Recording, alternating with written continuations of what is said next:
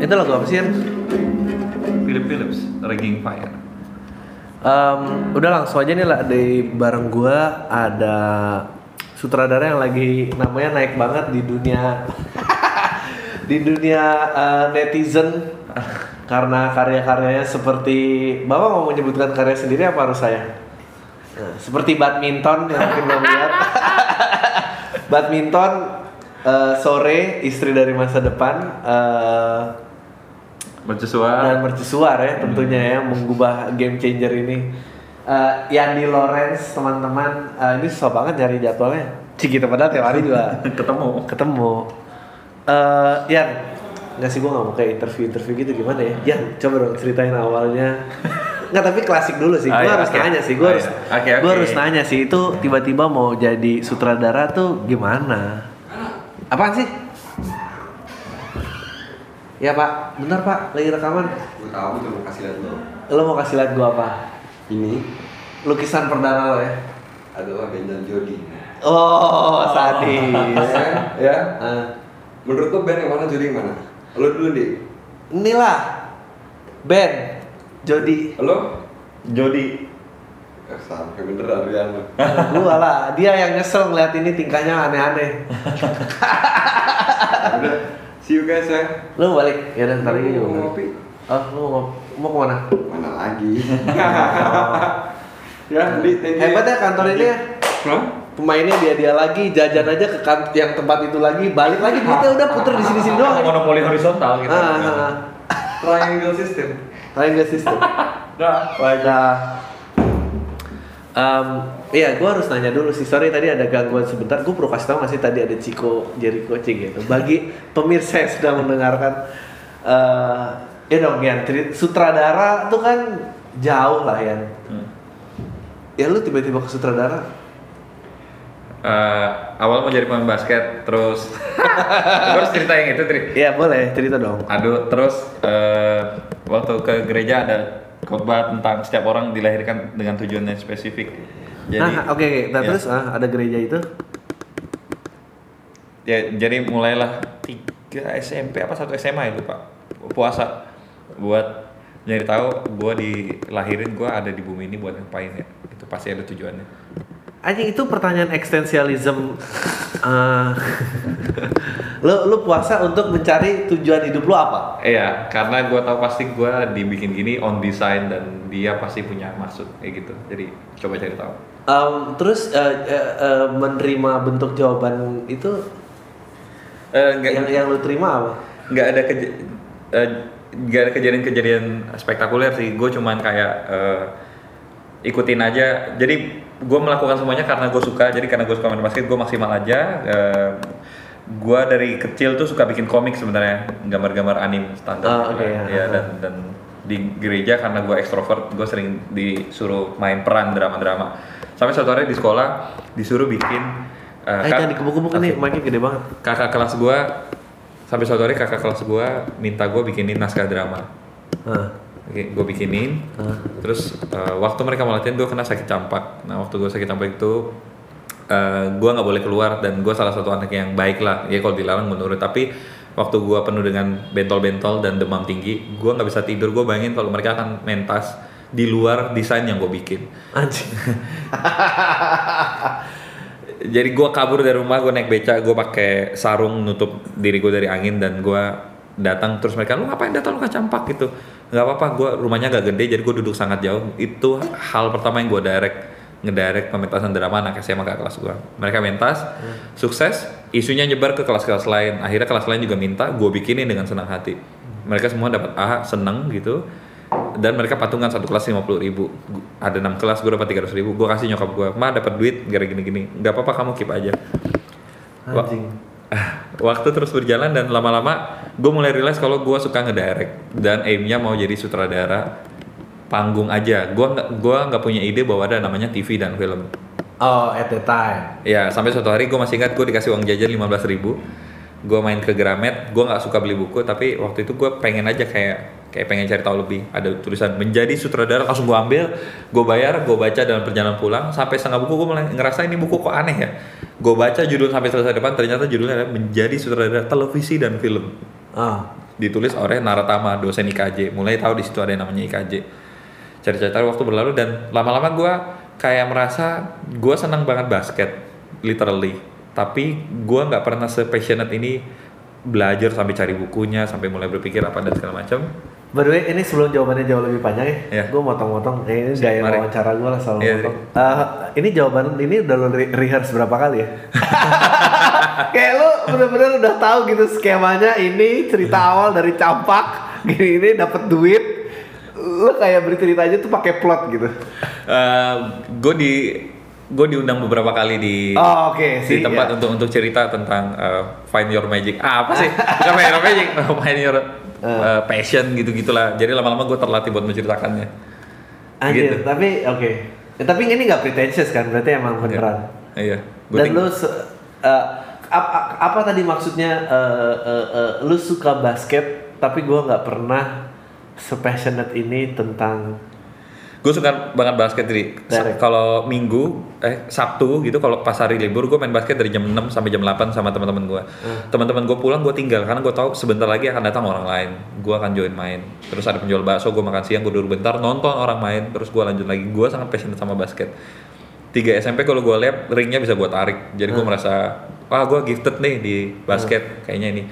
Tapi waktu gue mulai start puasa abang gue sampai nanyain ya lu jangan maksa-maksa mau lu ke Tuhan dengan cara puasa. Gue bilang enggak puasa itu adalah bentuk komunikasi gue bahwa rencana Tuhan lebih penting dari kemauan daging gue jadi gue melakukannya dengan tulus aja mau tahu. Tapi lama-lama kejadian-kejadian yang terjadi itu kayak bikin naskah kemudian dibayar dan apa segala macam kayak menuntun gue gue menemukan pokoknya kalau gue berkecimpung di dunia directing gue tahu kalau ini agak aneh sih. Gue tahu kalau Tuhan senang dan Iya. itu rasanya senang banget lebih senang dari gue puas main basket. Hari itu gue tahu kalau gue harus jadi director. Anjing itu jawabannya nggak pernah terlintas di nggak em, anjing lu lu lu gue juga sangat suka main basket. Gue bahkan eh, otot ligamen kiri gue pun putus gara-gara main basket. Eh, basket sempat menjadi rumah untuk berlindung dari pokoknya gue kalau dulu bermasalah entar rumah gue bermasalah ya gue main basket. Bener-bener tipe-tipe apa eh, yang sengsara di rumah tapi nggak mau ngobat lah jadi positif. Ada berolahraga dan apa. Tapi lo ngerasa itu ada ada bedanya? Jadi di basket tidak ada yang senang selain lo gitu? Gue senang. Gue juga tahu kayak semua itu. Tapi eh, susah banget ngejelasinnya. Tak feelingnya itu ab- abstrak banget absurd banget. Tapi lu kayak tahu aja kalau kalau ke sana dipanggilnya kayak damai aja ke sana gitu. Kayak basket ya lu bisa tetap jalanin tapi bukan ini lu ke sini aja. Dan stopnya bukan di Anjing. cara yang negatif gitu. Ah gue sampai eh, mau UN kelas 3 gue masih ikut seleksi prapon bahkan Ya. nggak apa nggak apa lewat aja terus terus. Terus terus. Gue masih ikut seleksi prapon itu. Oh prapon ah. iya sam- sambil menunggu kepastian apakah gue akan dibiayain ke Jakarta sama tante gue oh oke. Tapi gue tahu aimnya ke sana. Dan gue jadi akhirnya eh, kalau ditanya lu kapan mulai suka film? Semester 5 kalau gue ingat-ingat. Jadi dua tahun gue kuliah gue nggak pure pure nggak suka film Dri. Nggak suka Anjing aneh banget loh. Iya. Jadi lo have no interest in movie tapi merasa terpanggil ke sana. Eh, istilahnya eh, menentang arus di masyarakat banyak. Maksudnya pasti bukan prioritas utama keluarga juga untuk untuk lo berkuliah bidang seni gitu ya. Iya. Jadi lo lompat aja gitu. lompat aja kan gue yakin banget Tuhan maunya gue di sini jadi alasan gue masuk kuliah dan gue sangat rajin kuliah gue eh, rankingnya selalu paling tinggi gue selalu main bagus Eh, gue jadi gue kalau disuruh kerja tugas nonton film atau segala macam gue lakukan karena gue tahu kalau gue bikin ini Tuhan seneng itu aja bukan karena gue suka film gue suka film semester 5 waktu gue mulai semakin banyak nonton gue mulai banyak film gue kayak temukan diri gue gue iya ya menyenangkan ya jadi gue telat sadar bahwa gue suka Gitu. Anjing aneh banget. Jadi eh, eh, bagi orang-orang ya yang ingin mencari passionnya berarti eh, doa masih bisa mengabulkan. Kalau ketawa tuh ya. interview aneh kan tapi bener kan itu lo yang bilang gue cuma menemukan titik satu ke titik yang lain. Gue gak pernah membayangkan ini akan didengar orang umum gitu. Enggak, dan ini konsumsi yang sangat disukai 5000 orang loh ya.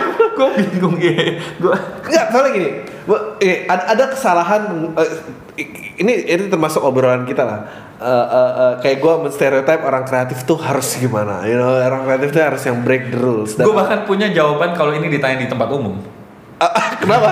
Gue akan jawabnya ya gue dari dulu suka komik gue suka directing gue gini akhirnya ketemu. Gitu aja tapi karena gue tahu lo yang nanya gue cerita aja Enggak, ta- tapi tapi gini, eh gue juga tadinya nggak pernah mengerti sampai gue ketemu lo. Nggak beneran, gue nggak pernah. ta- tapi eh, eh, eh, eh, gini, misalnya, apakah stereotip atlet yang jenius itu yang selalu bekerja keras dan emang suka di situ? Enggak, ada orang-orang atlet yang melakukan demi Tuhannya ada gitu. Dan gue seneng banget ketemu lu.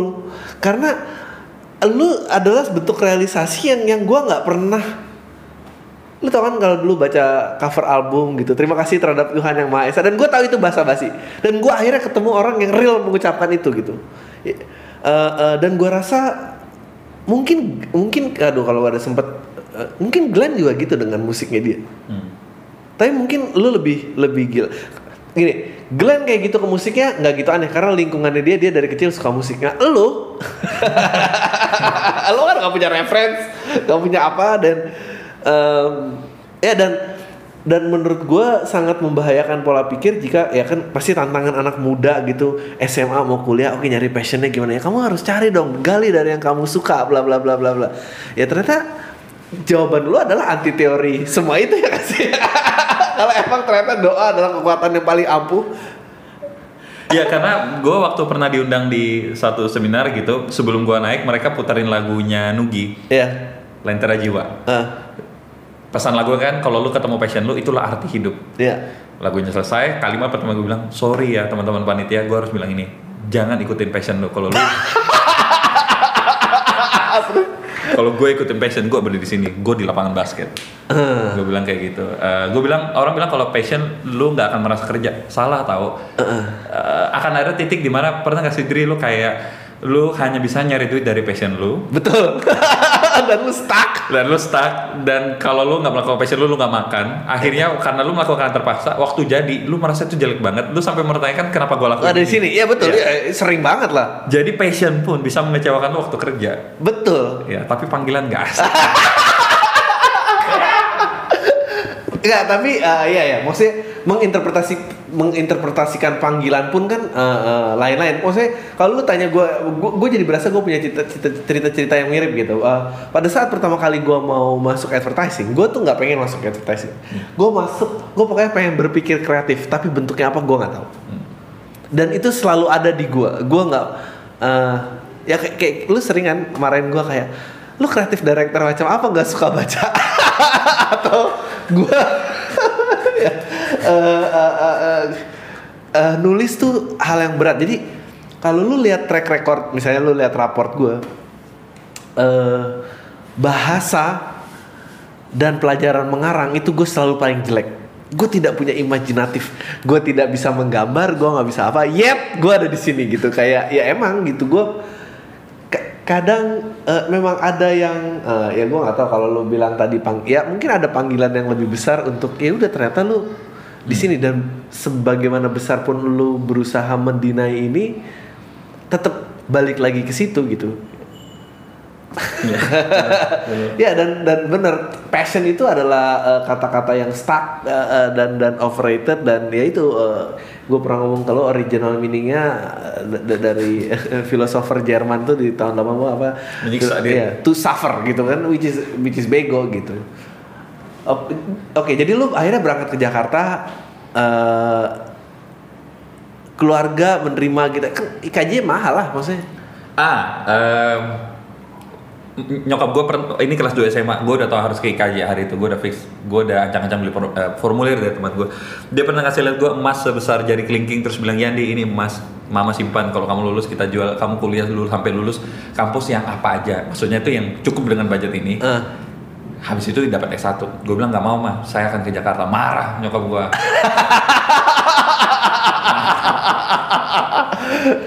marah karena bokap kan udah meninggal jadi perekonomian keluarga tuh payah banget Ah. payah banget jadi gue kadang-kadang ikut jual roti ini benar tapi ya begitu anyway Iya, lu nggak mau lah, iya, iya. iya iya, habis itu Ja- jangan.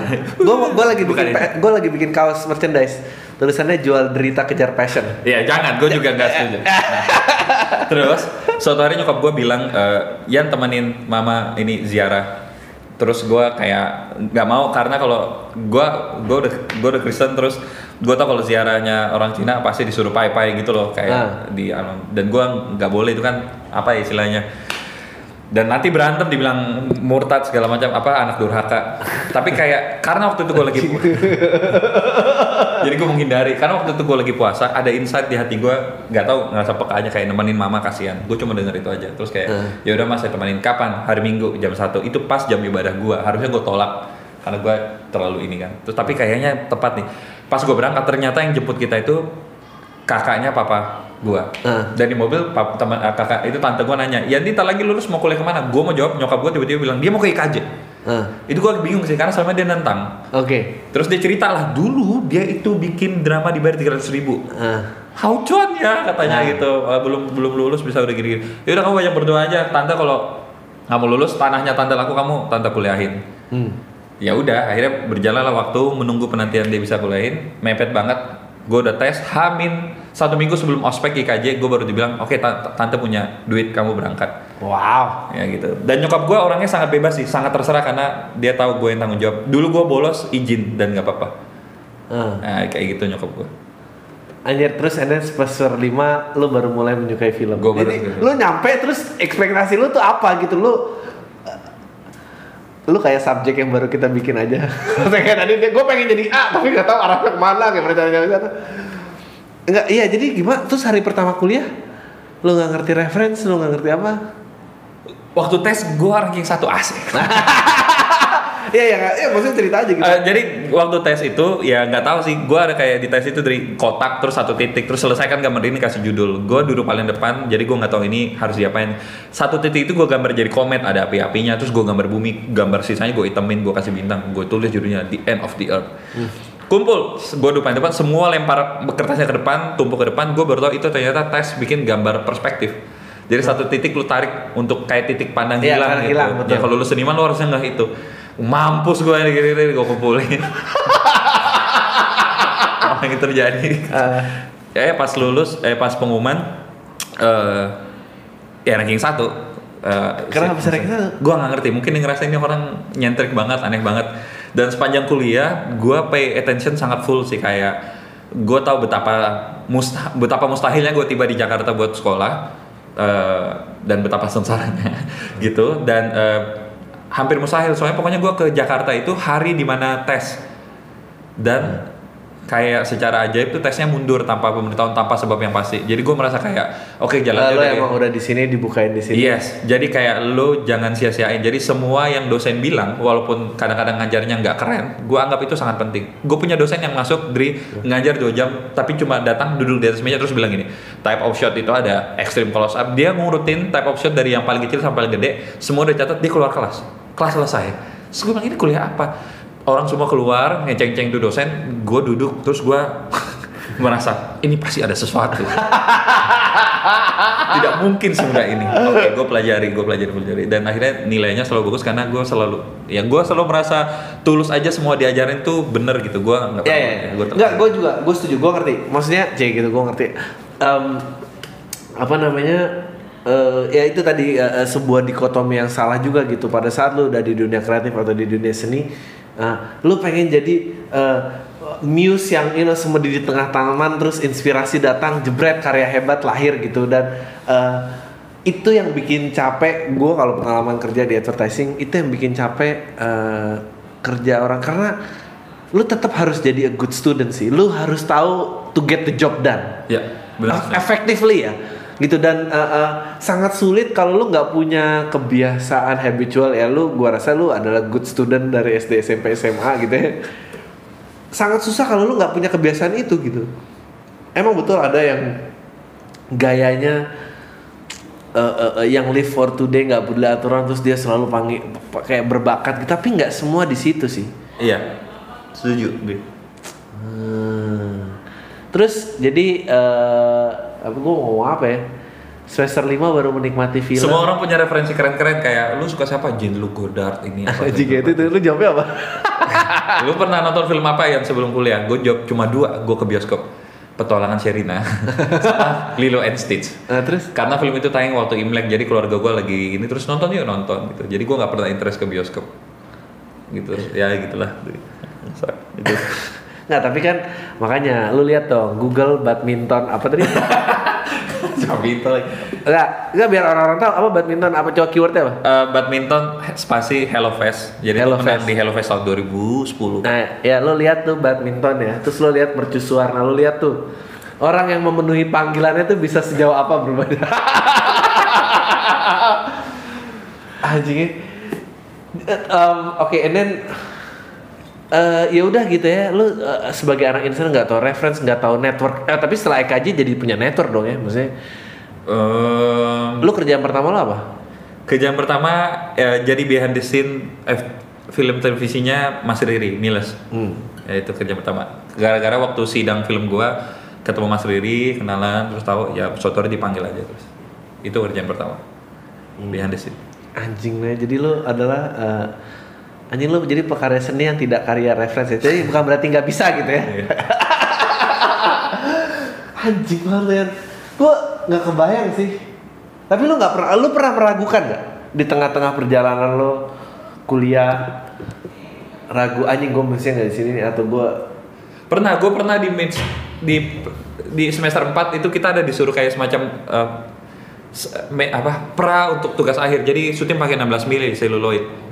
Karena film film sebelum gue cukup bagus, gue merasa cukup di ditungguin filmnya sama orang-orang. Jadi kayak mulai ada tekanan spotlight gitu dari wah sedap ya. itu di semester. Karena film pertama gue menang di festival, film kedua gue ya main aktor apa jadi cukup di kampus tuh cukup digosipin menurut gue, menurut gue, gue nggak tahu mungkin cuma menurut gue. Enggak, Waktu gue bikin enggak itu 16 mili, semua orang kayak nunggu dan begitu. Jadi filmnya scratch, gambarnya rusak dan aktornya minggat hamin satu, artnya jelek banget dan segala macam. Itu film yang habis sidang nggak pernah gue tunjukin ke siapa-siapa.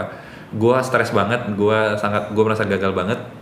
Eh, gue hari itu kacau banget dan memutuskan untuk kayak gue lulus jadi sutradara sinetron aja pokoknya gue kaya aja terus gue nggak usah berkarya lagi gue jelek banget lah fail gitu Sok banget lo ke sana Sok banget. Nge- kaya tuh di bawah karya bagus. gue gak bisa berkarya tapi gue mau kaya. Lu tahu gak sih ada orang yang gak, nggak punya karya bagus dan gak kaya? karena jadi sutradara sinetron pasti kaya Oh ya? iya pasti kaya Karena emang pasti kaya. Coba gimana? gimana? Gue orang awam. Jelaskan kenapa karya sutradara sinetron kaya. karena mereka kalau lu dapat berhasil stripping eh, lu at the top gitu ya lu kayak sehari dibayar paling murah 10 juta paling murah per hari dan lu sekali stripping kadang-kadang bisa jalan setengah tahun setahun satu setengah tahun dua kali aja dan tanda kutip bekerja di sutradara sinetron sangat mudah menurut gua kayak lu nggak usah bikin shot aneh-aneh Hmm. Terus cara orang bisa masuk ke situ gimana? Iya masalah link dan dan yang gue nggak tahu, gue nggak pernah coba sih. Tapi ya gue nggak tahu, nggak tahu. Anjing lu sok banget lu ya. So so, so ya udah gue jadi saudara sinetron aja. Enggak maksud gue, gue kira lu ragu tuh ragu tuh lu keluar kayak oh kenapa gue nggak jadi karyawan kantoran aja Oh, pernah itu dari? iya maksud gue anjing pilihan dua lu aja pengennya kaya tai banget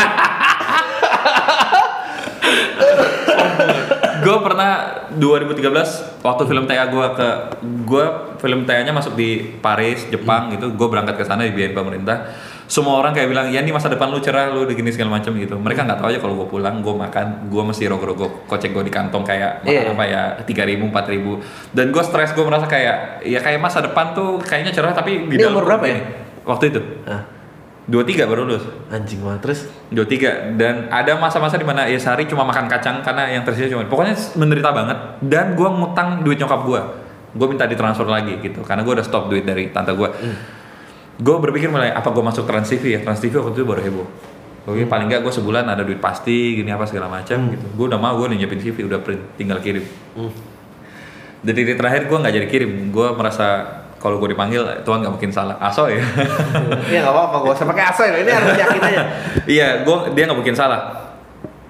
Em, sampai tiba-tiba udah gua diberangkatkan ke Sapporo karena kesalahan teknis ada tuh dulu dirjen film ngirim gue ke sana bu dikira kacau banget tadi ini nggak apa-apa ya ya Nggak apa-apa lah. gue dikira itu festival terus gue dikirim ternyata itu meeting direktur perfilman negara se Asia ke Sapporo dan gue harus berangkat dan jadi name tag gue Mr. Yandi Lawrence Director of Indonesian Government Film bla bla bla gitu lah pokoknya cari Chaplin banget lah wrong person on the wrong place gitu nah di situ gue ketemu sama Mbak Lala gitu Eh, dan banyak kenalan dan jalan akhirnya kebuka gitu gue banyak kerja gue banyak lihat dunia film dan banyak belajar dari Mbak Lala Hmm. begitu Nggak terus akhirnya tadi panggilannya jadi nggak ragu lagi kenapa? Eh, sebatas kayak gue gue tuh sering gitu jadi kayak gue pernah mau berhenti ngajar. Gue pernah cerita gue pernah mau berhenti ngajar. Gue bilang aduh yang menang festival film pendek selain gue tuh lebih keren keren banyak. Kenapa gue ngajar? Gitu. Gue tidak cukup besar buat jadi pengajar. Itu gue mau, mau masuk kelas buat ngajar lagi. Tiba-tiba ada suara kayak bilang bukan lu tidak cukup besar buat mengajar tapi karena lu mau mengajar lu disebut orang besar ya Sedap. Gitu gue langsung gue tahu itu kata-kata bukan dari gue sih dan kayak oke gue akan ngajar seumur hidup gue kadang-kadang gue kalau galau revealnya tuh kayak ada kata-kata begitu aja dan gue nggak tahu. Gue percaya itu asik. Gue percaya itu suara Tuhan sih. Hmm. jadi kayak kalau dia ngomong gitu dan gue tahu ini bukan gue nih gue nggak menghibur gue nggak sepositif sepositif thinking Iya. sebijak itu. Jadi waktu gue denger gue tahu gue dituntun ya udah jalan. Dan hari itu kenapa gue nggak jadi ragu? Katanya simpel cuma kayak kalau dia udah janji dia pasti tepatin ya udah Gitu. Anjing banget lu yang asli. Nggak tahu jadi lu nggak pernah um, Oke, is it apakah uang masih an issue? iya masih tentu Nah, tapi lu nggak separah dulu crocek 3000 nyari Oh, iya, iya, udah, udah, Udah, udah, udah, segitunya, iya. dan membaik kan maksudnya. Iya, membaik, membaik. Lu kira-kira mau berapa lama lagi ya? Tai gitu baru umur berapa udah ditanya mau berapa lama lagi. Ya nggak maksud gua um, enggak gua lagi mikir 28 gua tuh di mana ya? Lu maksudnya 28 kan sekarang? Iya. 28 eh Iya, gue berkarir di agency, udah lumayan menuai prestasi malah berhenti malah stand up. Eh lo kalau mau nanya tentang gue apa nggak apa-apa ya maksudnya? Oh, iya. Jangan jadi satu arah dan bingung. Oke, Tri. Jadi, jadi udah gitu nggak pernah ragu nggak pernah apa udah gini aja gitu balik lagi. Iya, kadang-kadang challengingnya sekarang modelnya udah kayak ini, misalnya kayak sekarang ini ngerjain accelerate. Nah. Gue merasa ini sangat di luar gue sih, Tri. Gue sangat susah bikin gambar keren. Iya.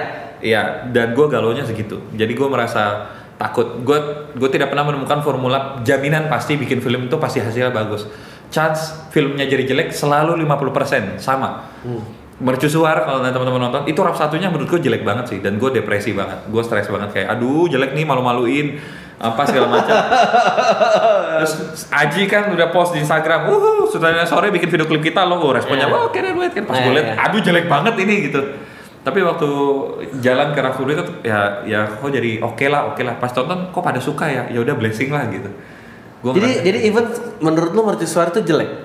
menurut gua bukan jelek sih menurut gua gua ngerancangnya nggak segitu jadi jadinya lain gitu lah Oh di otak lu emang kayak apa?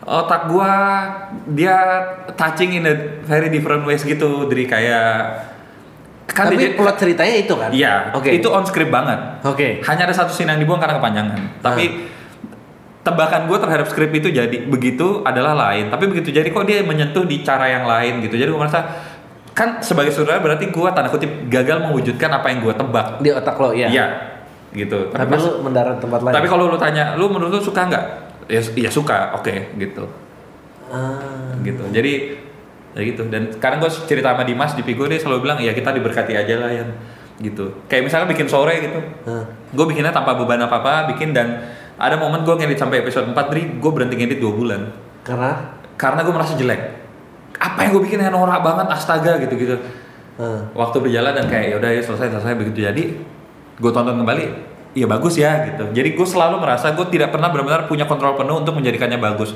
gue selalu merasa karena disentuh aja sama hal di luar gue it- karena, karena itu jadi bagus gitu Nggak, tapi maksud gua ya nggak tahu sih. nah gitu Ya gua nggak tahu gua mau sok-sok bandingin tapi prestasi gua kesannya kecil banget. Tapi em, gua dulu jadi orang yang kayak gitu. Gua sangat keras terhadap diri gua. Gua rasa ini jelek. Tapi gua akhirnya udah melepaskan itu gitu. Gua mulai mengamini ketidaksempurnaan. Eh, karena setelah gue lihat-lihat kalau lu pengen longevity gitu jauh gitu ya lu nggak bisa memukul diri lu paling keras sih Eh, karena pukulan itu akan selalu datang kok dari luar jadi buat apa buat apa itu belum datang lu udah ini dan dan gue kalau gue balik ke basic sih gue balik ke bahwa eh, melakukan ini adalah hal yang paling enjoyable gitu Hmm. Eh, tapi gue nggak tahu ya kompleksitas film gue juga sama ini makin dilihat malah makin kayak aduh orang mau ngedirect tuh kenapa sih gitu Oh, Dri, Eh. gue bisa relate sih. Gue pernah di poin itu. Gue lulus, eh nggak lama gue lulus, gue dapat project bikin ah company profile. Perusahaannya gede banget, salah satu yang tergede di Indonesia. ah. Gue bikin dengan mental kayak gitu, kayak ya dibawa enjoy aja lah, gak usah Yeah. khawatir, sekarang juga udah oke. Disiapkan dengan matang, jadinya jelek banget nih. Jelek banget sampai yang punya nggak mau tayangin.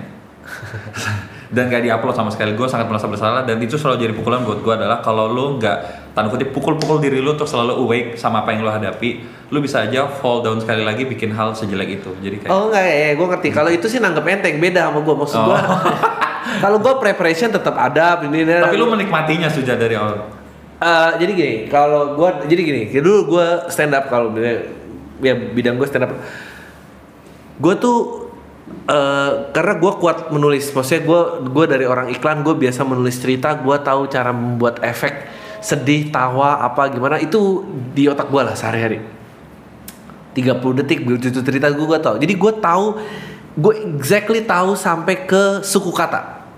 Gue kadang eh, menulis eh, ini gue nih jadi kayak buka kartun nyomong-nyomongin diri gini. nggak apa-apa diri panggung sombong Iya iya. Jadi intinya adalah gue banyak melihat skenario apa di gue tuh udah kehitung suku katanya. Gue tahu penadaan. Gue gue belum tahu tulisannya. Gue udah tahu nada gue sebutin kayak gini. Like di otak gue tuh bekerja kayak gitu. Tet, tet. Ini nih yang nggak ada. Nah, nah, nah, nah, nah, nah, nah, nah, Gue udah nggak tahu. Tapi itu udah jadi di kepala gue. Udah jadi kepala gue. Ret. Gue tahu gue tahu gini nih. Gue tahu kenapa katanya ini. Kenapa ini lawan ini. Kenapa lawan ini lawan ini. Gue tahu kayak. em, gue pernah bikin joke tentang kayak eh oh, gue jadi bakar joke di sini. Jadi ya kalau nggak kalau show sayang soalnya. Nah, ya kayak Ya, joke benar, benar, benar. jadi gue bilang eh, misalnya waktu itu tentang bahwa eh, kenapa sih eh, orang pengen kawin dededededet panjang terus dia bilang eh, katanya biar dia nggak lari. Eh nggak lari. Lu tau nggak? Orang di penjara yang di penjara aja kalau dia pengen niatnya lari bisa lari men. Dia bisa kabur gitu. Kalau kalau uh, apa uh, kalau kawin bisa nahan orang dari nggak kabur ya penjara nggak usah pakai jeruji lah pakai janji aja. Like penjara tidak usah pakai jeruji tapi pakai janji aja. Itu like gue udah tahu komposisinya itu penjara nggak usah pakai jeruji aja nggak pakai janji. And then gue act out bahwa ya saya udah bunuh dua orang tapi saya janji nggak ke mana-mana. Ya kabur lah orangnya gimana sih? Dan- dan- dan- and then gue tahu bakal lari ke mana. Uh, tadinya gue spesifik itu gitu. Dan eh, setiap gue perform dan tidak mengikuti pattern itu gue kesel. Ah ini jelek nih. Ini basi. Em, pemilihan kata yang harus tepat. Tapi itu lama-lama gue ngerasa anjing kok gue gini banget ya sama diri gue yang gue perlu make sure adalah maksud gue tetap tersampaikan jadi tidak perlu dengan pattern yang sama, tidak perlu dengan persuku kata yang sama. Akhirnya gue mulai melepaskan pakem-pakem yang gue tahu.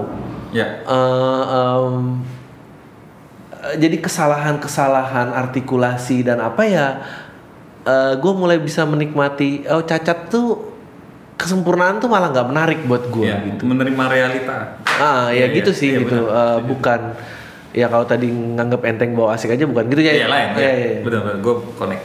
Heeh. ya tapi lu kenapa maksudnya kenapa lu tetap masih dengan semua karya dan maksudnya lu lucu aja gitu ngedosen kayak aduh semua orang yang jadi festival tuh yang lebih keren daripada banyak. Dan lu sampai bisa bilang kayak eh gue nggak jago bikin shot keren. Bikin shot keren tuh apa sih definisinya? Biar orang-orang sama-sama tahu gitu. Bikin shot keren? Ya, sekarang- Enggak, eh, bu- waktu itu kan kayak menang festival. Maksudnya Hmm. kamu eh, selected di festival-festival yang besar di dunia Cannes, Hmm. Berlin, Venice segala macam gitu. Dan gua nggak pernah selected ke sana. Gua pa- gua paling ininya ya ke Jepang, ya Rotterdam satu ya gitu-gitu. Maksudnya bukan di kalangan yang wah ini orang yang besar di Nah. festival short yang patut untuk mengajar gitu. Hmm. Dan plus kalau ngajar penyutradara itu mata kuliah paling absurd. Hmm. Gue kayak ini baru di calling diri kayak mau nggak eh, kita mau ngajar eh, ada satu PH mau bikin eh, workshop cara penyutradaraan itu absurd banget. Mau mau berapa sesi? Kayak gue pernah cerita ke lu nih kayak gue Hmm. pernah ngajar di kelas gue cuma tulis di papan maturitas. Oke tema kelas kita malam hari ini adalah maturitas. Itu penjelasan macam apa ngajar kedewasaan di kelas penyutradara itu susah gitu. Iya betul. menjadikan orang nah itu sangat absurd. Jadi eh, tadi bahas apa? Ya dan ketika ngajar gue gitu kadang-kadang mahasiswa yang gue ajarin tuh kalau ceritanya jelek untuk kasih tahu ceritanya jelek kita harus masuk ke hidup orang itu. Kenapa? Kadang-kadang kan ah, gimana gimana gimana? gini Dri, gue kasih gue kasih cerita ini kita berdua dapat cerita kan, Iya. terus saya bilang Dri jelek gak? Jelek ya jelek, oke setuju. Kita kasih ke satu orang, orang bilang ini bagus. Kita berdua kan pasti bingung kenapa dibilang bagus ya. Dan ketika plotnya adu plot tetap seleranya beda, pasti ada mas tanda kutip ada masalah dengan selera orang, Betul. referensinya pergaulannya di belakangnya panjang banget. Betul. Dan ketika kita berusaha beresin itu akan terdengar ofensif. Betul lah, iya. Dan- Dan itu bukan tanggung jawab lo. Eh, ya, eh, tapi sebagai dosen tanggung Iya. jawab lo. Ya, ya, ya, ya. Dan banyak banget mahasiswa yang marah sama gua gitu. Dan kayak dan gua kayak aduh gua kerjaan di luar aja kadang pusing galau ngurusin mahasiswa kayak gini. Gue cabut aja lah gitu gitu gua tekanannya kayak gitu. Oh. gue sering banget dari zaman dulu pulang gua keluar kelas tuh gue berusaha lihat ban motor gua dibocorin gak ya? Gitu. Oh. gitu separah itu. Jadi ya gitu. Karena nyerangnya harus ke pribadinya. Karena sutradara bikin sesuatu lu bisa baca pribadinya jadi kalau pribadinya nggak grown up karyanya akan begitu-begitu aja Tapi itu gue juga mempelajari di ini sih, maksudnya kalau ada brainstorming ide keren lah, ide keren atau nggak apa gini. Eh, dulu ada bos gue, akhirnya tapi capek sih kerja sama dia, karena dia believe eh, benda itu jadi hidup setelah lu lihat di akhir. Iya. Eh, it- itu dia kenapa eh, eh, orang-orang kreatif itu sangat ego. Karena kadang-kadang ah gue ngomongin nama lu nggak lu nggak nyampe nyampe ini ini bukan sesuai apa yang mau gue vision it gitu. Dan dan dan semakin banyak benturan ini semakin nggak nggak guna buat semua orang gitu loh. Iya, Eh, benar. dan eh, ya itu lu gimana nanggepin ya sebagai pengajar? Misalnya kalau bilang jelek ap- apa apa lini yang membuat jadi itu salah Iya pertama kadang-kadang kalau gue bisa jelasin dia secara teori gue akan jelasin bahwa struktur skenario lo salah, eh, statement lo tidak tergambarkan dalam cerita atau cerita lo tidak menjelaskan statement lo gitu ya Ah. mana sekarang. Itu gue secara teori masuk. Kalau tetap nggak nangkep, gue akan mulai masuk ke taste. Contoh simpel ini gue kasih contoh biar dapat gambaran. Iya, iya. Kalau gue bilang kayak Dri, ayo bikin cerita tentang istri pulang ke rumah ngedapatin suaminya lagi nonton TV di ruang tamu, terus istrinya marah karena sudah menemukan bukti bahwa suaminya selingkuh. Oke. Di kepala kita pasti secara mencongaknya pasti kayak istri buka pintu langsung kamu ya bla bla bla segala Iya. macam. Itu immature. Betul. Ka- as a director harus mikir kayak oke kalau istri marah nggak segampang itu deh. Kan pasti hubungannya apa terus Iya. ya kalau gua akan cenderung arahnya akan bikin pulang tutup pintu duduk di sebelahnya istrinya khawatir ngeremas tangannya mau ngomong tapi sungkan segala macam. Suaminya kalau mau bikin drama lebih dalam suaminya jangan yang jerk suaminya sangat lovely. Hey honey mau megang? Agak Iya. gerak. Tapi geraknya juga jangan terlalu dikibas. Iya. Ya perempuannya menghindar pelan dan kemudian dialog terjadi itu betul. Nah eh, untuk sampai ke sana lebih subtle lah maksudnya Iya, iya gitu. oke Iya, kayak kayak gitu sih contohnya. ah untuk nyampe ke sana terus Untuk nyampe ke sana, sutradaranya harus tanda kutip tumbuh dewasa untuk memahami bagaimana kira-kira seorang istri berpikir. betul Iya, untuk memahami kira-kira kalau gue jadi suami dan gue mau jadi baik gimana. Kadang-kadang eh, karakter cuma jadi puppet di kreator gitu untuk memuaskan ah supaya berantem. Oke, nah itu biasanya conversation yang si murid lo yang tambeng nggak mau dibilangin itu dia larinya ke mana? Dia akan selalu lari ke konsep. Dia akan bilang ini metafor. Dia akan bilang apa? Oh gimana? Contoh metafor, coba coba. Ah, ini menarik nih. Eh, eh, contoh kayak dia bikin cerita ibu dan anak ke mall miskin terus akhirnya bisa curi-curi jalan ke mall dan mereka turun di elevator dia mau long take saya bilang ngapain kamu bikin long take di sini? Ini buang-buang waktu orang nggak ngerti ceritanya sampai sekarang apa. Dia bilang ini adalah metafora eh, ibu dan anak ini Oh. semakin turun secara gue bilang gue lu nggak bisa taruh lu nggak bisa menggantungkan plot di metafor. Ya, ya gitu dan tapi itu susah. Jadi kayak gue mau film gitu deh. Itu perbenturan yang lama banget.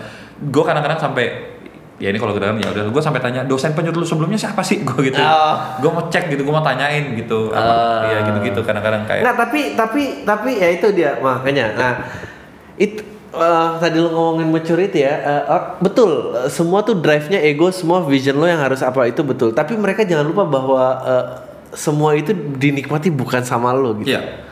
Itu yang konsep orang eh, ya sama sih sebetulnya berkomedi dan apa gitu. Iya deh, Eh, kayak misalnya kalau Stem kayak kemarin lo sempat cerita kan, Hah. aturan-aturan stand up kalau at- kalau di kampus aturan-aturan bercerita kalau Eh. bagi mahasiswa itu mengekang Iya. kalau gue bilang bukan mengekang menjaga Iya, betul. itu dua hal yang beda dan dan membuat itu jadi lebih kuat hal-hal kayak gitu tuh sering berbenturan sama mahasiswa kayak kenapa sih dosen itu ngatur gue kenapa sih teori ini kayak nggak bisa bikin gue berkarya bikin film yang gue mau Iya. gue kan kan jawab kalau lo mau bikin film yang lo lu jangan sekolah langsung benar. aja bikin gitu-gitu ya gitu sendiri Anjing lu nyebelin juga ya. iya tapi harus digituin kalau nggak kan sadarnya gimana gitu Iya sih. Enggak, tapi gue eh eh, eh, eh, ya tapi gini, misalnya gue juga awam sih. gue paling sebel tuh kayak ini scene sedih, scene sedih karena mukanya sedih, lagunya sedih, terus ini begini, ini sedih. Lah, ya lu nggak bisa ngomong gitu sama gue gitu ya. Tunjukin dong kenapa ini sedih gitu, ngerti gak sih? Kayak- Iya. kayak- dan lu nggak bisa tadi ya analogi apa sih metafor ini dengan long take gini gini gini gini nggak bisa sih. iya jangan lu gantungkan di penempatan gitu-gitu Itu sih nggak ngerti ilmu komunikasi sih menurut gue. Iya. Dan, iya, Dri. ya tapi ya begitu itu tantangan yang gue hadapi kalau ngajar dan eh, sakit. Gue pernah sampai bilang ke mahasiswa gini waktu gue udah stuck banget dari gue bilang kayak gini. Kadang-kadang gue takut jadi gue takut gue terus mengajar sampai gue bertumbuh tua. Kalau lu pernah lihat dosen-dosen gue, gue juga pernah diajar. Mereka kalau lu pembimbingan mereka kayak ya ya ya ACC lah segala macam gitu. Tidak full heart lagi berhadapan eye to eye dengan lu. Gue bilang siapa pun yang duduk sama gue akan full heart, gue akan bicara sepenuhnya gitu dan itu nguras energi dan gue menanggung resiko lu benci sama gue Iya. gitu dan Jesus. Iya dan kayak gue nggak bisa bayangin kalau gue terus kayak gini gue kadang takut apakah gue akan tumbuh tua dan jadi ignorance juga sama ya udah masih lu emang bego aja ya udah gue ngomong seadanya lu jadi gua dosen yang dua jam cuma ya ini ini itu cabut gitu. Iya gue gue bilang sama dia gue takut jadi kayak gitu. Tapi mumpung gue bilang gitu gue total aja sama lu ya gue bilang kayak gitu. Anjing. Nah tapi oh ini ini ini eh, yang menarik ya perspektif gue gue gue tadinya gue eh, tadinya kan ke stand up juga karena udah mulai capek dengan advertising dan apa tapi gue sekarang merasa sangat beruntung kenapa dulu di advertising karena kalau di advertising itu jelas poinnya adalah untuk membuat mereka mengerti jadi poin membuat mereka mengerti daripada lo yang punya message itu jauh lebih besar daripada Iya. uh, message dari punya lo which is berkebalikan dengan uh, saat lo berkesenian apa pun lah gitu. Iya. Uh, nah tapi untungnya uh, dengan metode seperti itu gue bisa didak sih gitu kayak eh kayak kayak gue berapa kali gitu kan gue lima eh, lima tahun lah em, lima tahun nemen jadi agak kayak asisten coach untuk di stand up Kompas TV dan eh, kontestan yang gue pegang juga gayanya beda-beda. gue tuh selalu kayak pada saat udah ngejok apa kali ini coba bikin gue ngerti kenapa ini kenapa ini menurut lo lucu. hmm. Dan dari situ bisa gue push lagi bahwa oke lu mendingan ngomongnya gini karena biar mereka ngerti. Kalau ini lu ngomongnya gini lu mereka nggak ngerti gitu sih. Kayak untungnya ada itu sih. Kalau nggak ada sih gue juga kayak.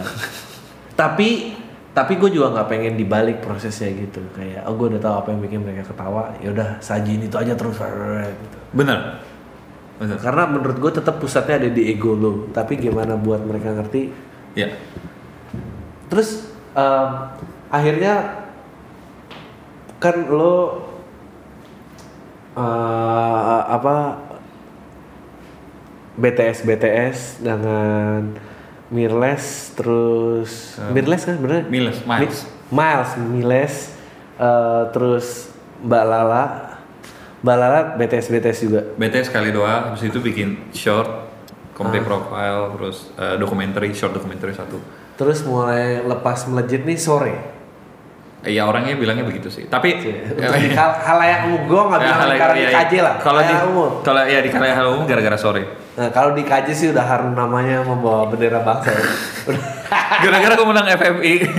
Terus speech gue terima kasih buat bla dan IKJ ya.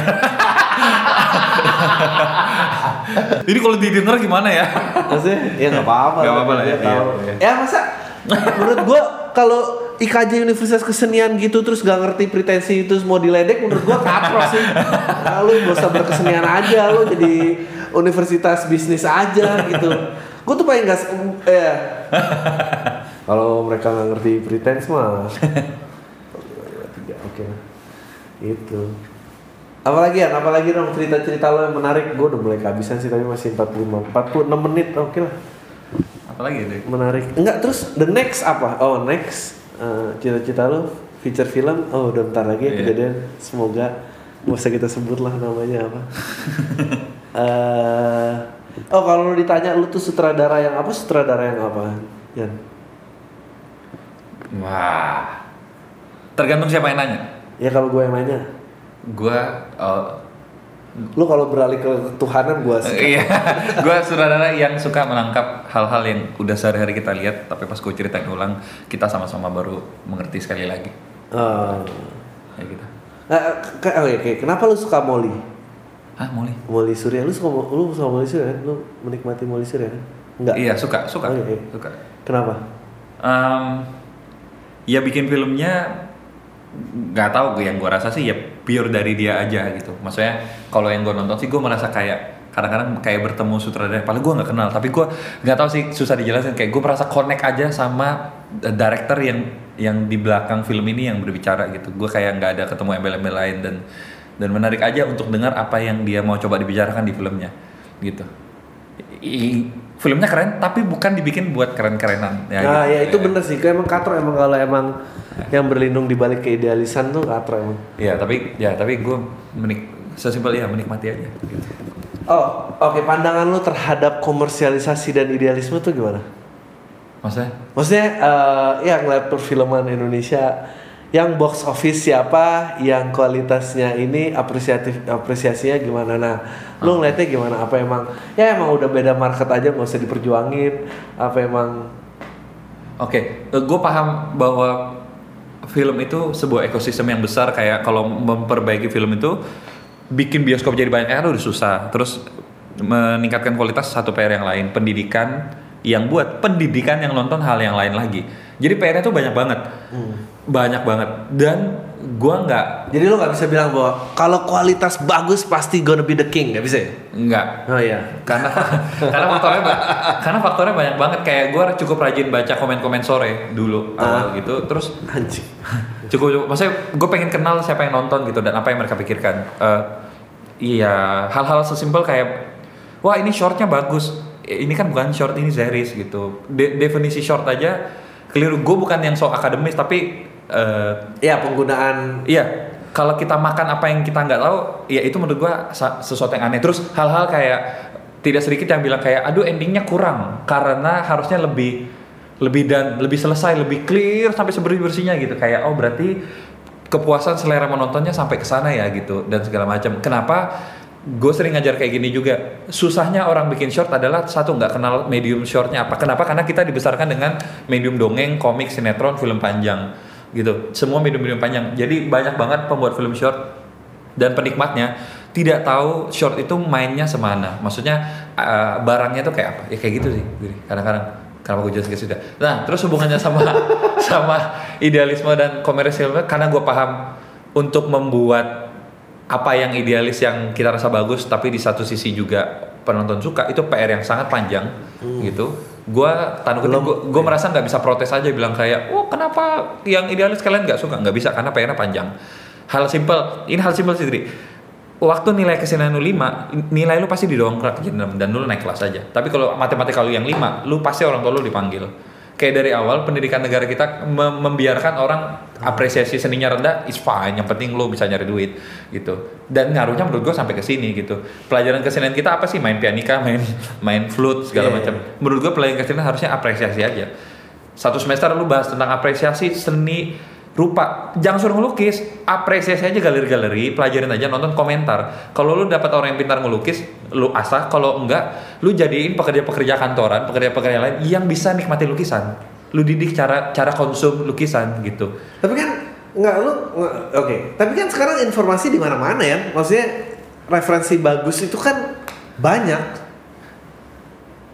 Nggak tahu panjang ya. Susah ya. I- iya tapi eh, tapi ketika lu dibesarkan di lingkungan yang gue sekolah aja sih muaranya. Di Hmm. di SMP SMA lu kalau di lingkungan lu tidak pernah mengajak lu betapa nikmatnya mengapresiasi kesenian. Tentu tidak semua kesenian lu suka misalnya. Tapi kalau lu di disodorin diajarin pelan-pelan ya lu lama-lama bisa nikmatin sih. Tapi bukannya kalau cakep itu relatif jelek itu mutlak? Iya kali? Iya betul. Betul. Iya betul. Eh, tapi itu hal yang lain sih. Tapi menurut gua intinya kalau karena gua paham bahwa eh, PR-nya banyak, gue nggak protes. Terus apa yang gue mau lakukan adalah eh, mencoba, gue belum pernah buktiin apa apa sih kalau konteksnya film panjang kayak coba bikin apa yang menurut gue bagus, apa yang gue suka dari dalam diri gue. Orang tuh suka, orang tuh nonton nggak. Perihal nanti kalau nggak laku, gue nggak tahu. Ya kayak gitu sih. Ya emang nggak tahu sih. Ini sih obrolan yang nggak tahu. Gue juga nggak laku makanya gue bertanya. Maksud gue ya em, nggak masalahnya ya kan ini kan berarti kembali lagi ke tadi pada saat lo bilang gitu. eh, apa memang orang-orang yang bermentalitasnya beda aja gitu. Kayak lo bisa bilang ya udahlah gue jadi sutradara sinetron aja gue kaya aja nggak apa-apa. Kalimat paling tai dari Andi Lorenz. Gue gue lu bilang gue bahwa itu sombong. Kayak kaya aja nggak apa-apa. Anjing lu pikir kita mau ngapain kalau nggak kaya? Lu pikir gue mau susah-susahan berkar mulu? ya Adri berkar lu ya. pikir gue mau susah-susahan mulu ya sinema sinema. Iya kenapa gitu? Eh iya kan jadi balik ke situ. A- apa yang membedakan itu Kenapa? Oke, kalau gitu kenapa si sinetron tadi lebih hina daripada eh,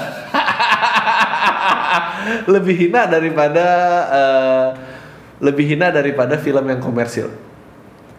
oh karena ya es- secara estetik film aja sih kayak shotnya gitu-gitu aja ceritanya hancur berantakan logikanya secara teknis selesai lah maksudnya gitu Iya, iya. tapi laku dan orang tetap nonton Nah itu itu menurut gua ya itu dia gua tuh eh, menurut gua ada batasan yang emang nggak bisa diterima sih dan mestinya dan mestinya harus ada yang jagain sih. kayak kayak kenapa ya kayak kenapa inbox dan dasa tetap ada yang nonton gue bingung gitu Iya, gua gua selalu ngejok Nah, gitu. Eh ya ya itulah kenapa gua nggak percaya sama demokrasi sih. Maksudnya eh ada alasannya loh kenapa nggak semua suara rakyat tuh harus diikutin gitu. Karena kalau diikutin kita akan sampai ke layer yang enggak enggak nih gitu loh. dan nggak tahu ya apa gitu. Em, lo ada cita-cita nggak gue pengen setahun berapa film layar lebar atau apa atau apa gitu-gitu? Eh, setahun atau dua tahun satu. Dua tahun satu ya? Dan dan lo udah nggak mungkin balik lagi melihat aduh ini kayaknya ini. Oh oke. Kan lo sekarang single nanti berkeluarga. Lo apakah akan berubah apa apa apa gimana? Emang Oh, eh, ya orang mungkin bisa berubah sih. Tapi so far kalau gue nanya pacar gue cie, Hmm. ya dia suka gue karena gue begini. Gitu. Ya udah. iya tapi semua perempuan gitu awal-awal Iya, jadi gimana setelah menikah? setelah menikah menurut gue ada tanggung jawab tanggung jawab yang gue setuju. harus dijawab secara ya dapur harus ngebul ya se- semiris-mirisnya Ya. idiom itu itu itu emang bener sih. Bener, Nah, gue nggak percaya sama orang yang demi idealisan terus satu keluarga lapar gitu. Setuju, deh, setuju. Makanya idealis tuh harus sempurna asik. Iya. Sempurnanya sampai eh, lu ingat gak pembicaraan lo? Ya Ah. kalau kita bikin sketsa gini, gue bilang itu harus dipikirin sampai gimana ada duitnya. Iya, iya setuju. Iya, Karena dia gitu. mau bikin sesuatu sama Yandi, tapi Yandi nggak mau.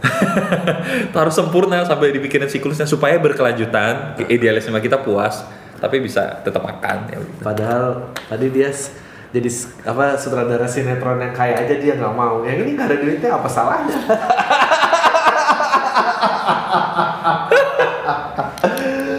Iya iya sih.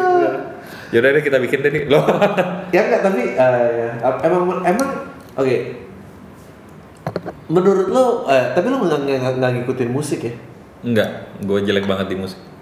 Eh, nggak tapi kalau lo sekilas memandang pop culture gitu melihat gap gap orang menikmati musik bagus dengan menikmati film bagus lebih besar mana jurangnya se se penglihatan lo lah Eh, film bagus kayaknya lebih lebih gede sih. iya ya bener ya Iya. Gue nyebut merek aja nggak apa-apa ya. nggak apa Gue nggak ngerti kayak film misalnya kapan kawin gitu.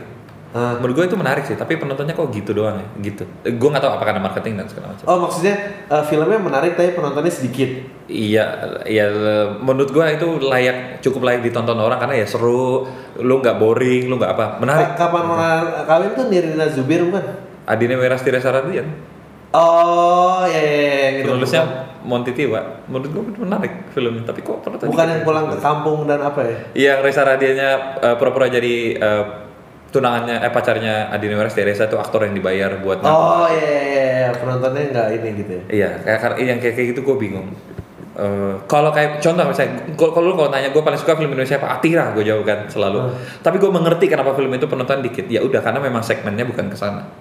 Iya kayak gue suka sang penari juga. Iya, Tapi gigi- sang penari masih 200 ribu sih. Which Iya. is which is great untuk untuk untuk film itu. Sejujurnya kalau ditanya kenapa film bagus, yang menurut kita kadang bagus dan kit, muka nggak terlalu art tapi nggak laku, gue nggak ketemu jawabannya sih. Dan gue nggak pernah merasa layak punya kapabilitas buat menjelaskan karena Gini, iya, gue kalau bagus nggak laku tuh gue ngerti, sumpah.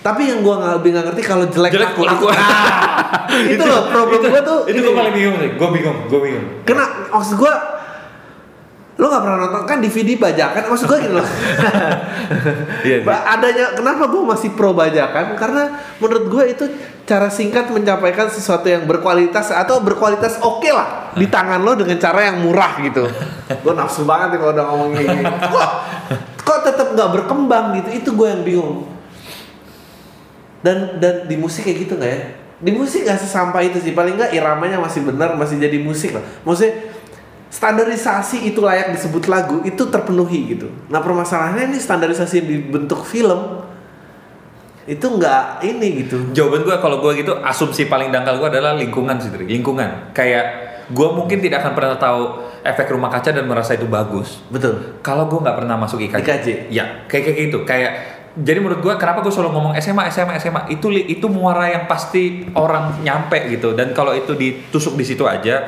nanti keluarnya semua paling nggak punya apresiasi tahu bahwa oh ada film kayak gini ada film kayak gini. Gitu sih. Nah ada pembicaraan yang menarik tentang waktu itu uh, ada ada ilmuwan yang gue suka namanya Brian Cox. Dia cerita bahwa uh, uh, uh, kenapa di Inggris medianya masih ada uh, BBC itu funding dari pemerintah paling gede. Dan apa pun yang lo mau bahas BBC harus membahas dengan cara paling baik. Dari science dari mobil dari apa dari apa. Apalagi di era yang semua sudah bebas memilih apa ada YouTube ada ini apa. Ya argumennya cuma satu kata dia. Pada saat terlalu banyak pilihan sebetulnya mereka udah nggak memilih lagi. Anjing dan itu dan dan the only way lu bisa ngelur orang lain punya interest lain adalah pada saat lu kasih yang terbaik itu dia kenapa BBC masih berdiri. Hmm. dia bilang Ayo dia bilang kalau lu into gaming gitu kira-kira lu akan browsing keyword mancing gak seumur hidup lu. Nggak ada kan? Ya, Nah. exactly my point kata dia gitu. Udah that's it.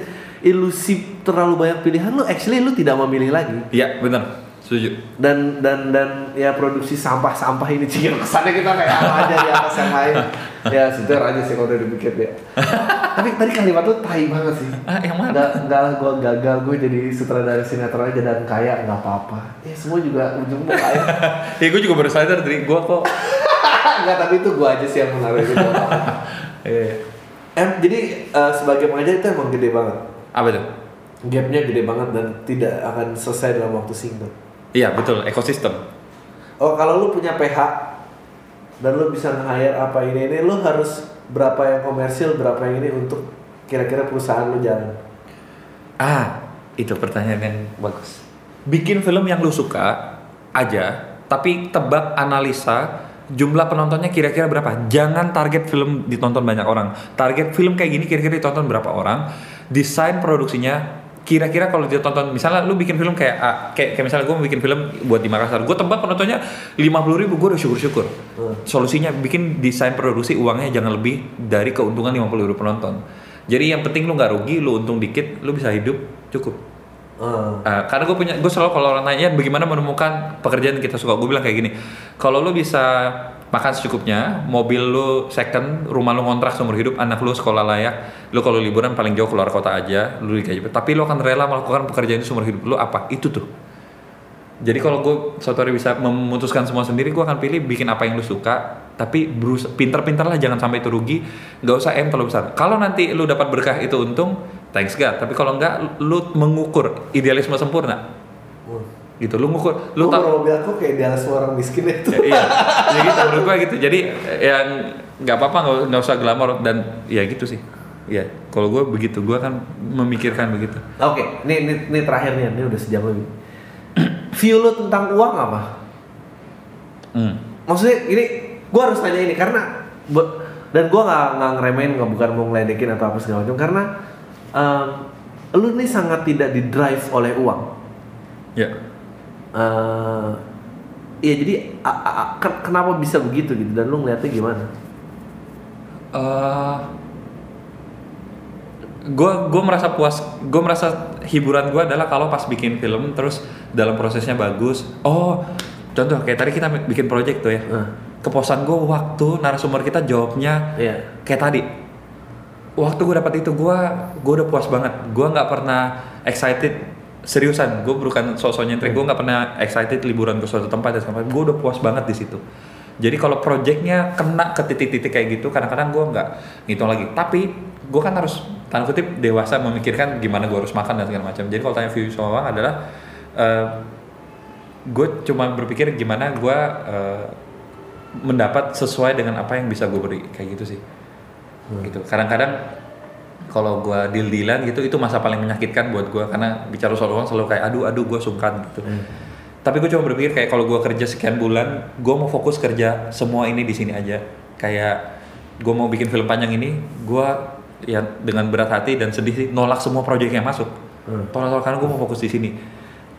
Kemudian kalau ngomong soal uang dari proyek itu ya gue cuma mau pikir bagaimana gue bisa survive survive hidup aja bertahan hidup se- sepanjang bulan gue kerja ini. Jadi kadang-kadang gue bagi kayak oke gue cuma butuh segini sebulan. Kalau itu udah lebih ya udah puji Tuhan ayo jalan gitu. Yang penting gue kepuasan ya gitu Ah gila. Lu, lu, lu you're like the pure soul yang pernah gua temuin uh, bekerja sih.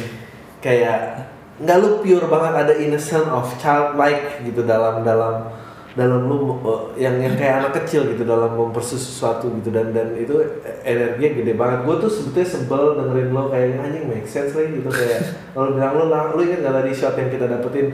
Langsung kita ngomong gini dan kita ini kayak ah fuck gue bisa relate lagi. Padahal gue pengen kaya. ya tapi gue ngerti apa yang lo ngomongin sih. Ya ya udah sih ya itu obrolannya. Thank you banget ya. Thank you Dre Nah, udah itu aja tuh dari tadi yang di Lawrence eh, tadi apa badminton. Apa kan? Ya pokoknya tuh lu cari aja. Badminton apa ya badminton spasi Hello Fest. Hello Fest. Dan lu bandingin ke sore lu bandingin ke mercusuar. Ya lu lihat lah. Karya-karyanya Yandi tak. Udah tai lu semua. Deh